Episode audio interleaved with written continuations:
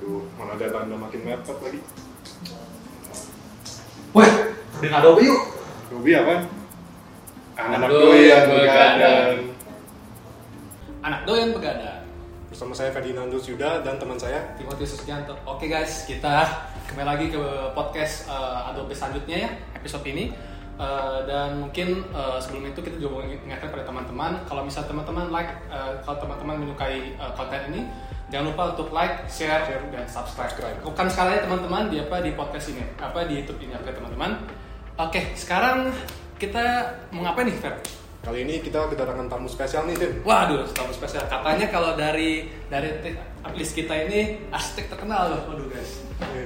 Nah, eh, mungkin eh, tanpa berapa lama kita langsung perkenalkan saja, Ber. Ya, Wendy Juhara. Yuk, Bu, sama siang, Bu. Eh, eh, mungkin juga teman-teman yang eh, ini mungkin ini aja, eh, Bu Eni juga salah satu dosen kita di SDA 3, teman-teman. Untuk untuk tahun ketiga berarti ya, teman-teman.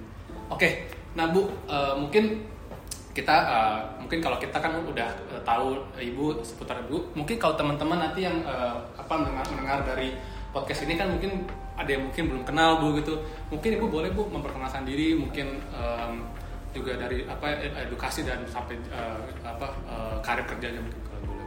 Oke, um, saya Wendy Juhara dari Juhara Juhara. Saya dulu uh, lulus dari Universitas Katolik Par- Parahyangan. Uh, saya angkatan 88, uh, lulusnya tahun 94. Uh, kemudian saya setelah lulus saya bekerja di um, PT PAI. Uh, kepanjangannya adalah Paramita Abirama Istasadia. Uh, saya bekerja di sana selama 10 tahun dan akhirnya tahun 2004 saya uh, bergabung dengan suami saya dan membentuk Juara Juara sendiri Dan eh, sampai sekarang berarti ya Bu? sampai sekarang. Oke teman-teman, jadi itu kira-kira adalah uh, mungkin background background dari Bu Wendy ini. Nah mungkin sebelum kita masuk ke uh, apa ke inti pertanyaan-pertanyaan yang sudah kita siapkan Bu, mungkin kita mau bahas nih ya dari hal yang paling dekat sama kita itu adalah event. RCID. Nah, iya Bu.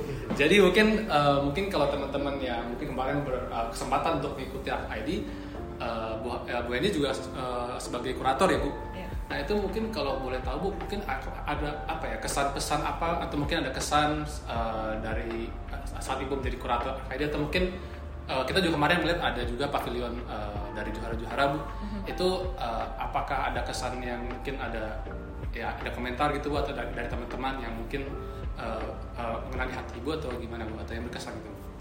Iya mungkin kalau saya cerita eh, backgroundnya sedikit ya Arc ID itu em, yang pertama waktu itu tahun 2020 eh, eh, inisiatornya adalah eh, almarhum suami saya sendiri Ahmad Johara waktu itu karena beliau waktu itu posisinya sebagai ketua IAI nasional. Jadi Arc ID ini sebetulnya adalah acara eh, yang dibuat oleh IAI nasional. Ya. Um, kemudian pada tahun 2021 waktu itu nggak ada karena pandemi. 2022 ada lagi dan 2023 ini yang ketiga. Uh, ketika itu saya diminta untuk menjadi kurator oleh IAI nasional. Jadi um, saya di- ditunjuk langsung. Uh, kemudian um, mereka bertanya bisa kan uh, kurator biasanya ada beberapa kalau di Iya. RKID ini um, tiga orang. Um, siapa yang uh, saya biasa nyaman bekerja gitu dengan dengan siapa Oh. jadi waktu itu saya uh, memilih Ibu Maria Rosantina dari The Associates. Lalu kemudian satu lagi mereka bilang kalau bisa uh, cewek lagi nih. Saya bilang kenapa harus cewek gitu ya. Saya nggak pengen misalnya uh, kita ditunjuk ini hanya semata-mata karena gender, tapi kita akan lebih senang kalau um, berdasarkan memang kapabilitas Oh, atau iya. kompetensi kita gitu. Jadi kita bilang nggak apa-apa lah, nggak harus perempuan lagi, Uh, mungkin dengan laki-laki juga bisa. Terus mereka bilang kalau bisa mungkin dari kota lain ya biar nggak Jakarta Jakarta mulu nih gitu. Ya, Nah kemudian ada beberapa nama dipilih dan akhirnya kita mungkin cocok dengan uh, Mas Andi Rahman dari Surabaya. ya. Gitu. Jadi kita sama-sama um, dan kita waktu itu berembuk uh, menentukan uh, temanya yaitu identitas tahun ini gitu. Terus kesannya gimana? Um, mungkin yang ini uh, kali ini agak terburu-buru karena dulu ArcID itu yang 2020 di Februari akhir Februari. Lalu yang kedua kali itu uh, karena pandemi dan lain-lain jadi mundur ke Juli gitu. Nah, terus tapi dari Juli ini kita mereka harus balik ke Februari lagi karena ini berhubungan dengan acara-acara serupa di ASEAN gitu. Jadi mereka punya asosiasi Oh, tingkat uh, uh, pameran uh, seluruh ASEAN. Mereka bilang uh, mereka udah udah mengatur jadwal mereka seperti di Singapura, uh, Thailand, Malaysia itu sudah ada jadwalnya. Kenapa Indonesia tiba-tiba jadi Juli ini jadi bentrok? Oh. Jadi tolong dong balikin lagi ke Maret ya. Tapi uh, Maret Februari. Tapi konsekuensinya jadi saya dan uh, teman-teman lain cuma punya 8 bulan buat nyiapin ini. Oh, cukup ini ya. Nah, yang lain biasanya du- setahun kan gitu. Karena 8 bulan ini jadi kita nggak boleh em, terlalu lama apa namanya menunda-nunda atau eh, ini harus keputusan cepat. Untungnya tuh em, tim saya tuh Bu Maria dan Pak Andi itu eh, semua keputusan kita bilang ada ini ini ini terus bilang ya udah gini gitu. Kalau yang satu nggak bisa oke saya yang handle gitu. Itu itu menyenangkan ya. banget nah, gitu. Terus em, bedanya mungkin dengan yang sebelumnya dulu tuh kurator me- membawahi semua aspek dari acara ID ini. Hmm. Nah sekarang kita ada dua tim yang kurator itu sendiri uh, menghandle uh, pamerannya, sedangkan uh, ada lagi tim conference. Jadi conference itu yang mengatur yang uh, pem- apa namanya ada pembicara dari luar dan lain-lain. gitu. Oh. Tapi um, apa kurator pun juga ikut tetap uh, mengusulkan kayak siapa yang diundang untuk berbicara gitu ya dan uh, cara menjalankan acara itu juga. Oh, oke. Ya, jadi gitu kira-kira apa teman-teman ya seputar mengenai Art ID yang kemarin sebenarnya barusan banget ya kemarin kemarin Iya. ya, gitu ya. Nah, Bu, nah ini kan mungkin mengenai Art ID juga ada eh, kita juga kali ini membahas mengenai apa eh, bus apa f- eh, firma Ibu sendiri juara-juara. Nah, ini ini mungkin mau ingin tanya dulu sih, Bu. Eh, mungkin lebih ini pertama nama lebih kepada Ibu sendiri ya eh, untuk menjalani sebagai seorang arsitek Bu sampai sekarang pertama-tama kenapa sih bu mau jadi seorang arsitek itu Bu? apakah emang sudah ada talent dari kecil emang sudah keinginan atau gimana tuh ceritanya bu Iya.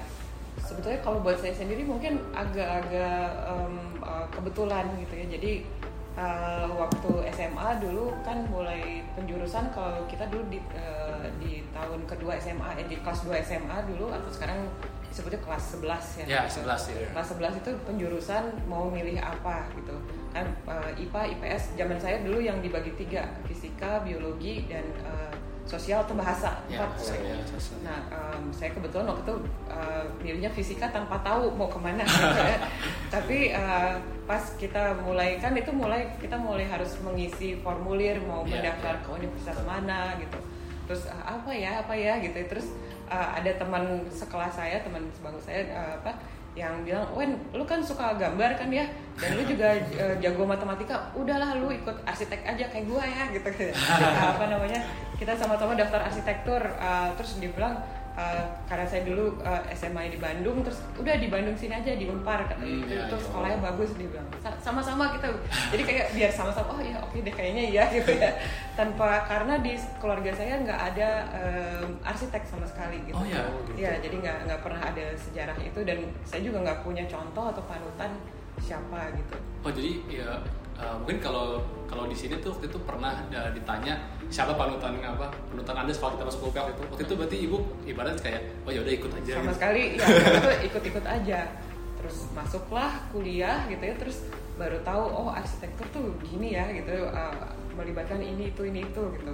Itu juga masih belum ada bayangan, tapi mu- mungkin mulai baca buku-buku, tahu ada beberapa arsitek yang kayaknya saya suka misalnya em, cara dia uh, me- mengapproach arsitektur itu seperti apa gitu ya tapi betul-betul baru lihat arsitek kerja seperti apa tuh ketika saya em, kerja praktek Ah. sama ketika sudah lulus dan bekerja di kantor gitu saya betul-betul baru paham bahwa kayak gini ya eh, kerja seperti arsitek itu kayak baru terbuka gitu ya bu baru terbuka gitu. Oh, tapi memang eh, di dalam eh, dalam eh, proses ibu sendiri dalam eh, mungkin ini untuk mungkin siapa tahu teman-teman juga penasaran kalau emang mengenai eh, pasti ketika nyata ibu kan ibu baru menemukan kayak apa sih kayak pedomannya kan pas lagi kuliah. Gitu kira-kira kalau mungkin teman-teman kita pengen tahu siapa kira-kira gitu?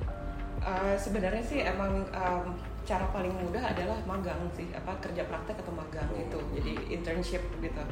Em, karena kadang-kadang yang diajarkan di kampus eh, Ah. belum sepenuhnya bisa Oh. mencerminkan eh, kerjaan arsitek itu seperti apa. Lebih luas ya gitu ya lebih luas uh, karena arsitek bukan cuma soal ngegambar doang gitu. Tapi dia mesti memikirkan aspek sosialnya atau itu gimana caranya gambar itu bisa terbangun. Itu itu satu penget ilmu sendiri gitu ya. Itu jangan diambil pas nanti udah baru praktek ya bu. Ya kalau boleh tahu itu memang ibu juga pasti awalnya apakah eh, ada struggle juga gitu maksud dalam arti mengadaptasi oh dari apa dari tadinya kan tahunnya kan kita di kuliah kan oke gitu kan studio dan lain-lain tiba-tiba pas kerja gitu ini nggak kayak kaget bener-bener kaget ya gitu Eh, Eh, ya lumayan sih gitu karena eh, biasanya sih kalau kalau di eh, biro-biro arsitek tuh biasanya ada jenjangnya. Jadi kalau Oh. yang baru lulus fresh grad itu biasanya dia akan dibimbing oleh yang eh, lebih senior gitu ya, yang sudah punya pengalaman. Jadi di, diajari. oh jadi gitu. ada ada kayak mentornya gitu ya ada mentornya. Tapi kalau bironya kecil belum tentu dia betul-betul diter- diceburin langsung gitu. Oh. Suruh belajar langsung. Wah itu ini nggak bu kalau boleh tahu mungkin kalau terus sedikit itu kalau kalau diceburin gitu ada ini nggak ada kansnya mungkin ya karena salah pasti banyak Oh iya, ada. pasti ada banyak Eh, dulu saya banyak belajarnya dari tukang dari Oh, iya? kontraktor Heeh. jadi eh, apa jangan jangan so tahu gitu ya nanya aja gitu pak ini cara cara bangunnya gimana? gitu ya. Jadi kalau nggak tahu ya nggak nggak tahu nanya aja gitu. Iya. semakin banyak pertanyaan semakin ini. Dan enaknya kalau em, kadang-kadang ada ada biro arsitek yang eh, arsiteknya cuma kerja di kantor aja nggak ke lapangan Oh, lihat. Ya, eh, gitu.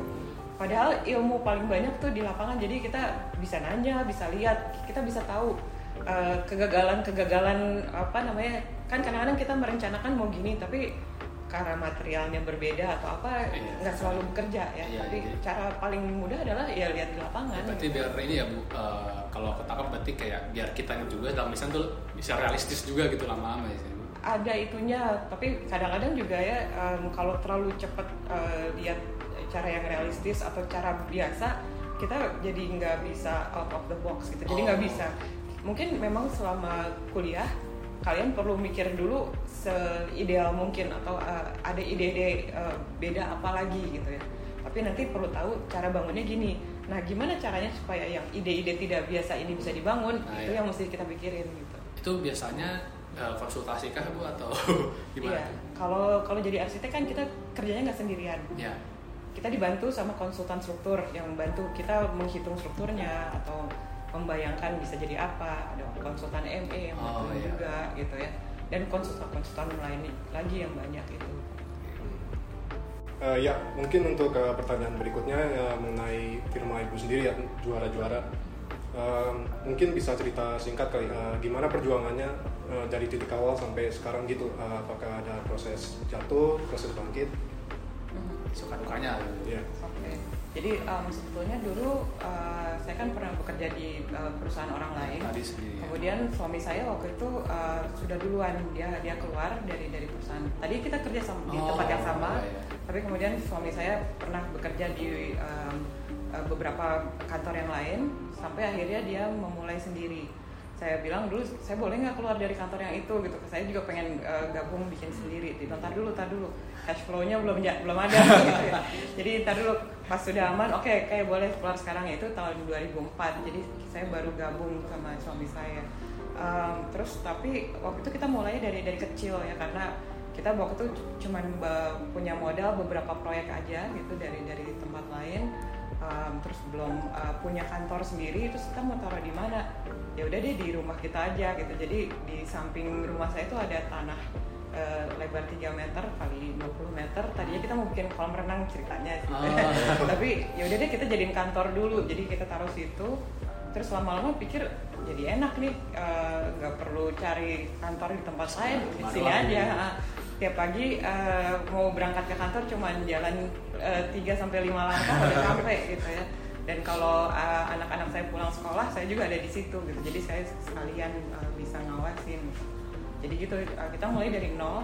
Lalu kita juga waktu itu em, waktu dulu saya kerja di PHI itu kebanyakan mendesain misalnya rumah-rumah mewah gayanya klasik gitu ya eh, Spanyol Italia Iya, apa iya, atau ini lah ya. proyek-proyek besar gitu.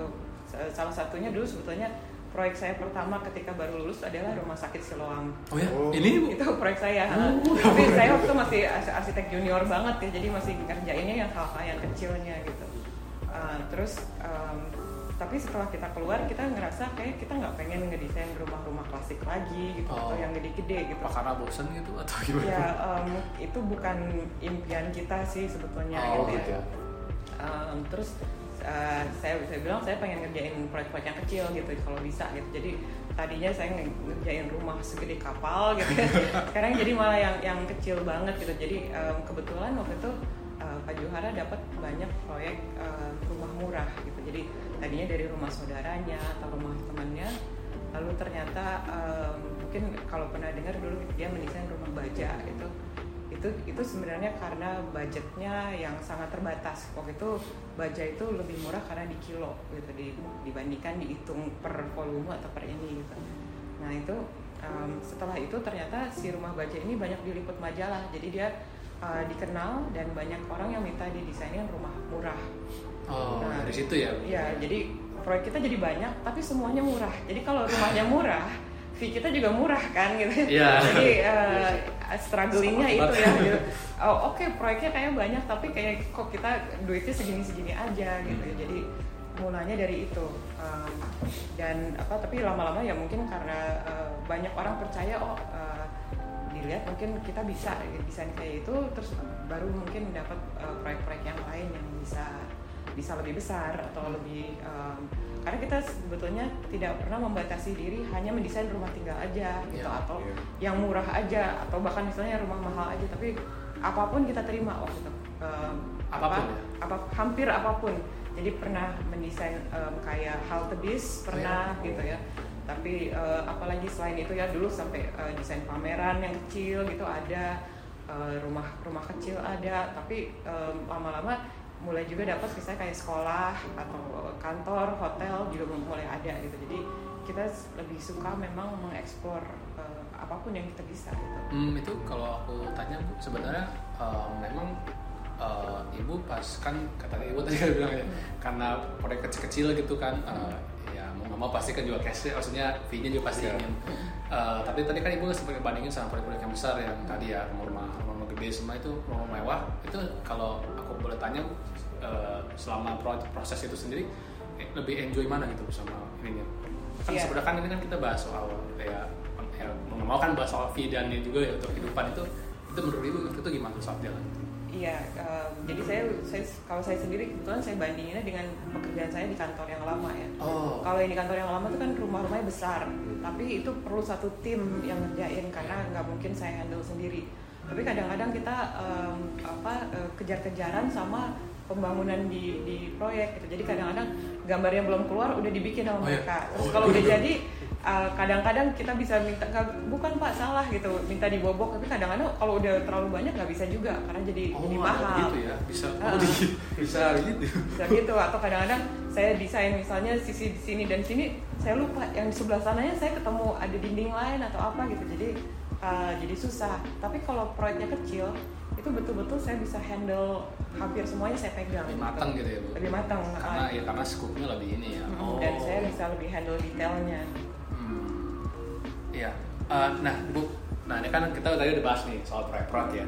Eh, mungkin aku kalau kita boleh tanya nih, Bu.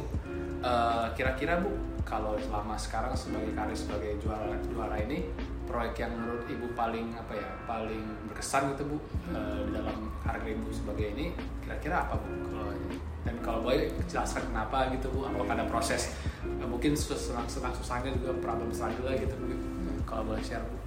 Sebetulnya sih kalau um, semua proyek itu uh, kita selalu perlakukannya dengan semangat ya karena sesuatu yang baru tuh kita kayak ditantang untuk bisa bikin yang berbeda lagi nggak dari yang sebelumnya misalnya gitu ya.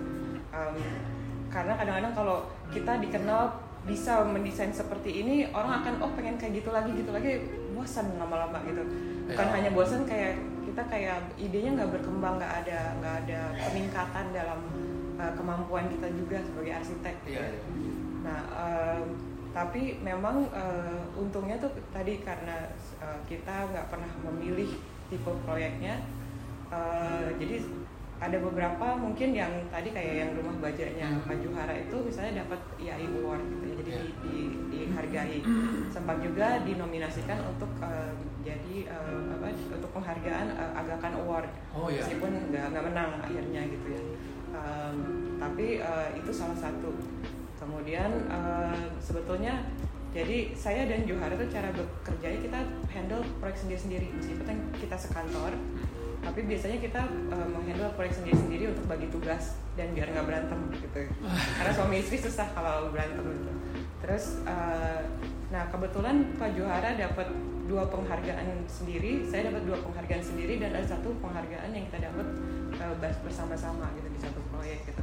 Jadi mungkin kelima proyek itu adalah salah satu yang berkesan gitu ya. Jadi selain misalnya tadi si rumah baja yang kecil dan murah itu um, saya juga pernah diminta mendesain sekolah TK di Bintaro um, Shining Stars namanya. Oh, iya, iya, ya iya. itu. Jadi itu juga sebetulnya budgetnya juga terbatas juga untuk sebuah sekolah ya jadi challenge-nya kayak saya harus bisa pakai material lokal yang murah tapi harus dapat bagus gitu. Dan uh, kebutuhannya sebagai sekolah juga terpenuhi jadi jumlah kelasnya cukup dan lain-lain itu mesti ada semua gitu. Oh. terus um, selain itu mungkin Pak Johara pernah ada satu lagi um, rumah kecil juga yang rumah Wisnu. Uh, dan saya juga dapat uh, ada rumah di Tanah Teduh dulu namanya kemudian yang terakhir kita menang bersama itu adalah uh, Hotel Natuna Ya. Uh, itu yang sebuah hotel kecil tapi semuanya dibuat dengan kayu uh, lokal dari Natuna gitu. Ya. Itu kalau aku bertanya Natuna itu em, kalau nggak salah aku pernah lihat uh, floor plan-nya gitu bu. Uh, mungkin teman-teman yang di floor plan tuh Dena maksudnya. Itu kan kayak banyak apa batu-batunya kalau nggak salah ya. Iya, iya. Nah itu uh, emang apakah itu batu existing di situ atau emang atau emang ibu nama lagi atau emang gimana tuh cara Iya. pendekatan itu? Ya, eh, Pulau Natuna itu eh, salah satu sisinya, saya seingat saya ada beberapa lokasi yang memang ada batu-batu granit itu. Mm-mm. Jadi mungkin kalau kalian yang tahu kayak Bangka, Belitung itu kan banyak Ya, tuh banyak, ya, ya, banyak. di mana-mana di pinggir pantainya. Nah, Natuna juga mirip gitu. Cuman yang em, belum saya belum tahu ada yang bilang itu kayak muntahan dari gunung berapi. Ada juga yang eh, bilang bahwa itu eh, dari dasar laut muncul ke permukaan gitu Oh. jadi batu um, apa namanya saya lupa istilahnya tapi uh, itu batuan uh, lama nah itu batu sebenarnya batu granit yang kalau di Jakarta itu mahal banget tapi orang sana ngelihatnya Biasa. biasa aja sama mereka dipecah dijadiin fondasi dikubur gitu. Atau dijadiin jalan setapak gitu ya karena buat mereka iya kita nggak bisa jual gitu ya. Mereka mau jual ke mana gitu karena mereka em, industri pem- apa konstruksinya belum terlalu berkembang di Jawa Ya, ya, pasti gitu sih, ya. jadi batunya memang ada dan kita memang sengaja nggak pengen merusak alam Oh jadi, jadi pendekatannya emang gitu ya? Ke depannya gitu. Jadi si bangunannya kita sengaja buat panggung supaya bis- sebisa mungkin menghindar dari batu. Tapi kalau karena batunya ada yang kayak 6 9 meter tingginya. jadi itu akhirnya kita kita senderin jadi itu malah jadi dindingnya juga gitu. Oh, oh jadi kayak apa sih sebenarnya? Uh, extrude apa ya? Nempel gitu ya? Nempel. eh, jadi kadang-kadang ada beberapa kamar yang salah satu dindingnya adalah si batu itu Oh, iya. sendiri gitu. eh. Jadi kita emang sengaja biarin aja gitu apa adanya gitu. Itu ini maksudnya kalau boleh tanya pas lagi itu ada yang tinggal situ nanya gitu, kok ini bisa begini gitu? Ada nggak komplain-komplain gitu? Eh, enggak sih kayaknya mungkin karena dari dari jalan dari dari pantai udah kelihatan batunya ya jadi mereka udah Oh, udah melihat expect gitu kan, ya, itunya Oh, nah aku mungkin boleh sih gue tanya-tanya ini kalau soal karena kan sebenarnya kan gitu ya bu tadi aku lihat-lihat kalau yang ini ada struggle batu yang, yang mungkin lain juga budget nah itu sebenarnya gimana sih bu cara gimana ya cara kita enjoy gitu? Kan kadang-kadang kan gini ya kalau misalnya ada project ada budget gitu apalagi kan kalau tipis kan uh, susah gitu ya. Kalau apa uh, mikiran gitu gimana ya nggak ada duit susah kasar gitu ya. Buat nggak ada apa nggak ada fee-nya. Nah itu uh, ibu ada ini nggak ada pengalaman atau tips gitu mungkin teman-teman yang mungkin nanti kita ya akan menjadi arsitek ini juga di masa depan uh, gitu apa enjoy di, di Enjoy the process ya. jadi proses di saat-saat itu ibu ada budget ada mungkin kesulitan batu gitu gitu ada Ya, nggak? ya. oke kalau eh, saya sih selalu berpegang bahwa eh, arsitektur itu site specific jadi eh, di tempat yang berbeda tanah yang berbeda dia akan punya cerita yang berbeda ah ya. ditambah lagi dengan siapa kliennya dan uh, kondisi-kondisi apa lagi yang ada yang apa menjadi constraint atau atau pembatas dari proyek itu gitu. Nah, tapi um, kalau saya lihat ya dulu mungkin kita cuma mentekel dari dari proyek ke proyek aja apa yang dilemparin ke kita, masalah yang dilemparin ya udah kita usahain jawab. Tapi ternyata em, hal-hal seperti itu malah jadi bikin karakter si arsitekturnya sendiri atau misalnya si rumah tinggal supaya nggak sama-sama pasti setiap pemilik rumah itu punya punya cerita sendiri ya. Iya, iya. yang satu misalnya pekerjaannya lawyer kebiasaannya beda. Yang satu eh, apa misalnya orang IT pasti punya Iya, cerita iya. sendiri. Kesukaannya atau latar belakang eh, kulturnya dia beda gitu ya. Itu itu pasti jadi jadi ini sendiri. Nah tadi kalau em, ya proyeknya eh, misalnya budgetnya cuma sedikit eh, fee-nya murah. Sebenarnya kadang-kadang kita challenge adalah gimana caranya meskipun materialnya murah ya, ininya murah tapi dia tetap bisa dapat rasa mewahnya mewah itu Nah, dari mana ya, gitu.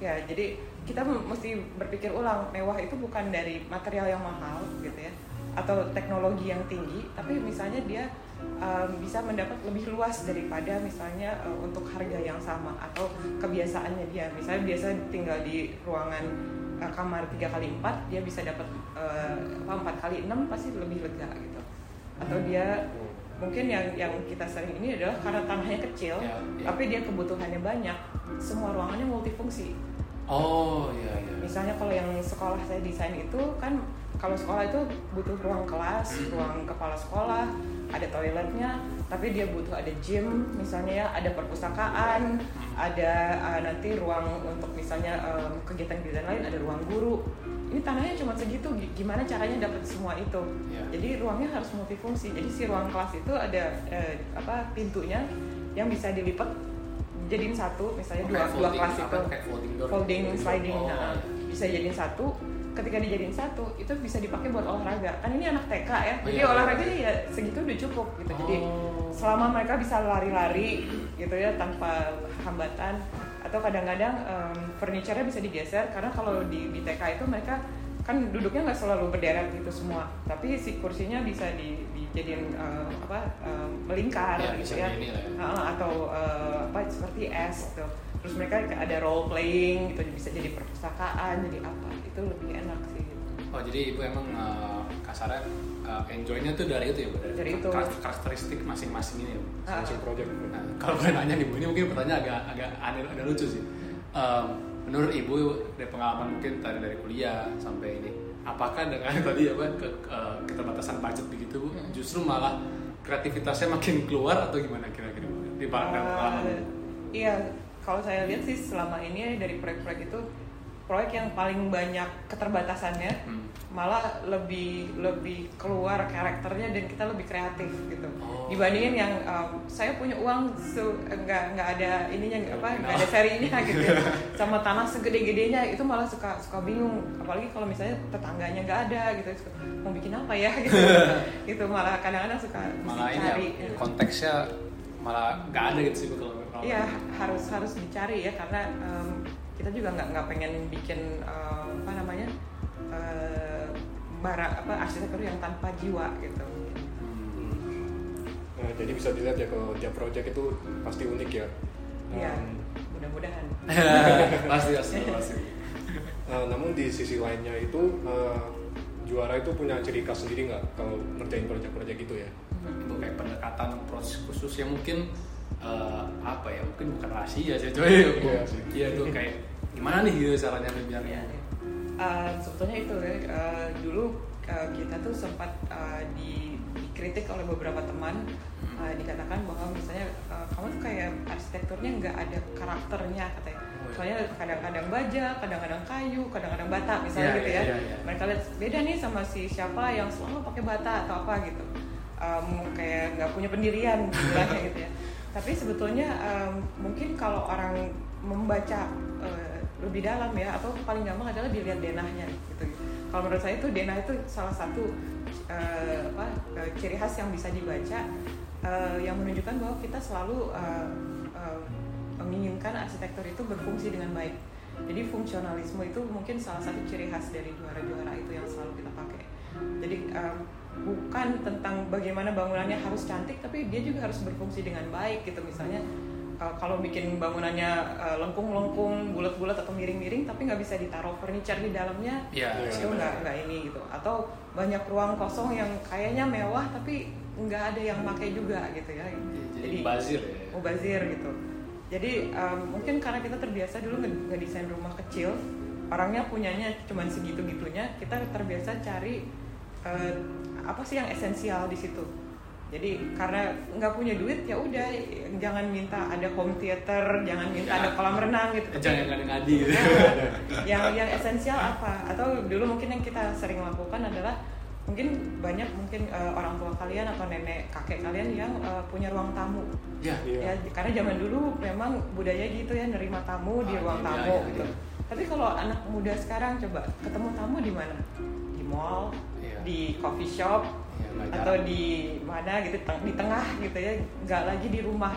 Atau kalaupun diajak ke rumah biasanya kalau itu udah teman dekat biasanya kayak atau saudara dekat Iya. diajaknya langsung ke living room langsung ke meja makan iya sih ya benar jadi si si ruang tamu itu padahal kan dibangun dengan uang gitu ya Eh, tapi itu terbuang tapi gitu. nggak eh, nggak kepake gitu kan. Jadi em, itu ya mungkin hal-hal esensial yang dipikirin lagi gitu Hmm. apa sih yang dibutuhin sebetulnya Ber- Berarti kalau memang nah ini mungkin pertanyaannya juga gini, berarti kalau misalnya nih eh, apa ibu ditanya gitu, kayak misalnya ini mungkin ah, anda-anda aja Bu, kalau misalnya klien gitu, kenapa kenapa dia harus hire juara-juara? Itu jawabannya itu karena fungsionalis, apa fungsional itu. Iya kurang lebih itu em, tapi gini em, kalau di awal karir karir ya biasanya arsitek ya apalagi dulu eh, saya dan Johara kan keluar dari PAI itu bikin sendiri itu kita kayak mulai dari tabula rasa dari nol gitu karena kita nggak mengerjakan proyek-proyek yang dikerjain kantor kita dulu gitu Iya. jadi ini karena rumah murah dan gitu ya Em, itu kita nggak punya portfolio biasanya kalau klien kan lihatnya kamu pernah bangun apa Kosong ya? Ya, kita karena mulai dengan tipe yang beda sama sekali. Iya. Kita nggak mau ngedesain klasik lagi, kita ngedesainnya pengennya lebih kontemporer gitu ya. Nah, ini em, portfolio nggak ada, jadi kita misalnya mulai dengan satu proyek aja, satu proyek lagi gitu ya. Nah, itu terus lama-lama orang melihat, oh kamu bisa proyek ini, ini, ini, ini. Jadi kita dipercaya untuk coba bisa nggak proyek yang begini misalnya gitu.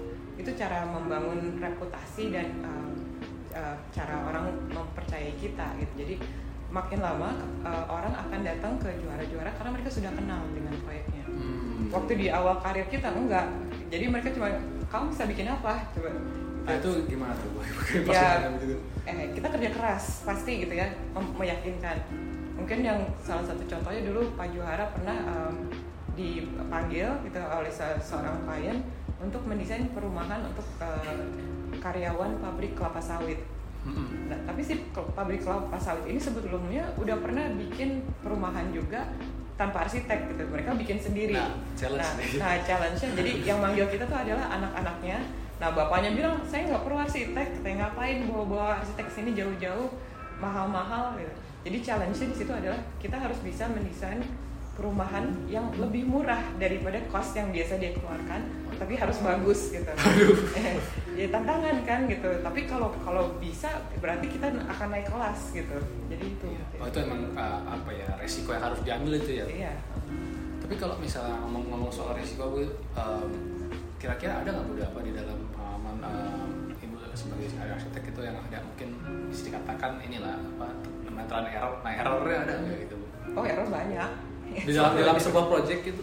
Iya iya em, apa ya saya lagi nggak pikir tapi ada misalnya em, dulu kan saya bilang ya saya selalu eh, ininya ke hal-hal yang esensial terus kayak buat pintu gitu ya saya pengennya nggak harus gede-gede karena kalau gede itu eh, costnya lebih gede engselnya mesti lebih gede gitu ya buat buat nahan si pintu itu Eh, kita pernah bikin pintu shower gitu kecil aja gitu kan kalau di public toilet kan pintu shower Iya, kecil kecil. atau kalau di pesawat terbang aja eh, bule gede aja bisa masuk ke toilet pesawat terbang sekecil itu dengan pintu hanya lebar 50 gitu.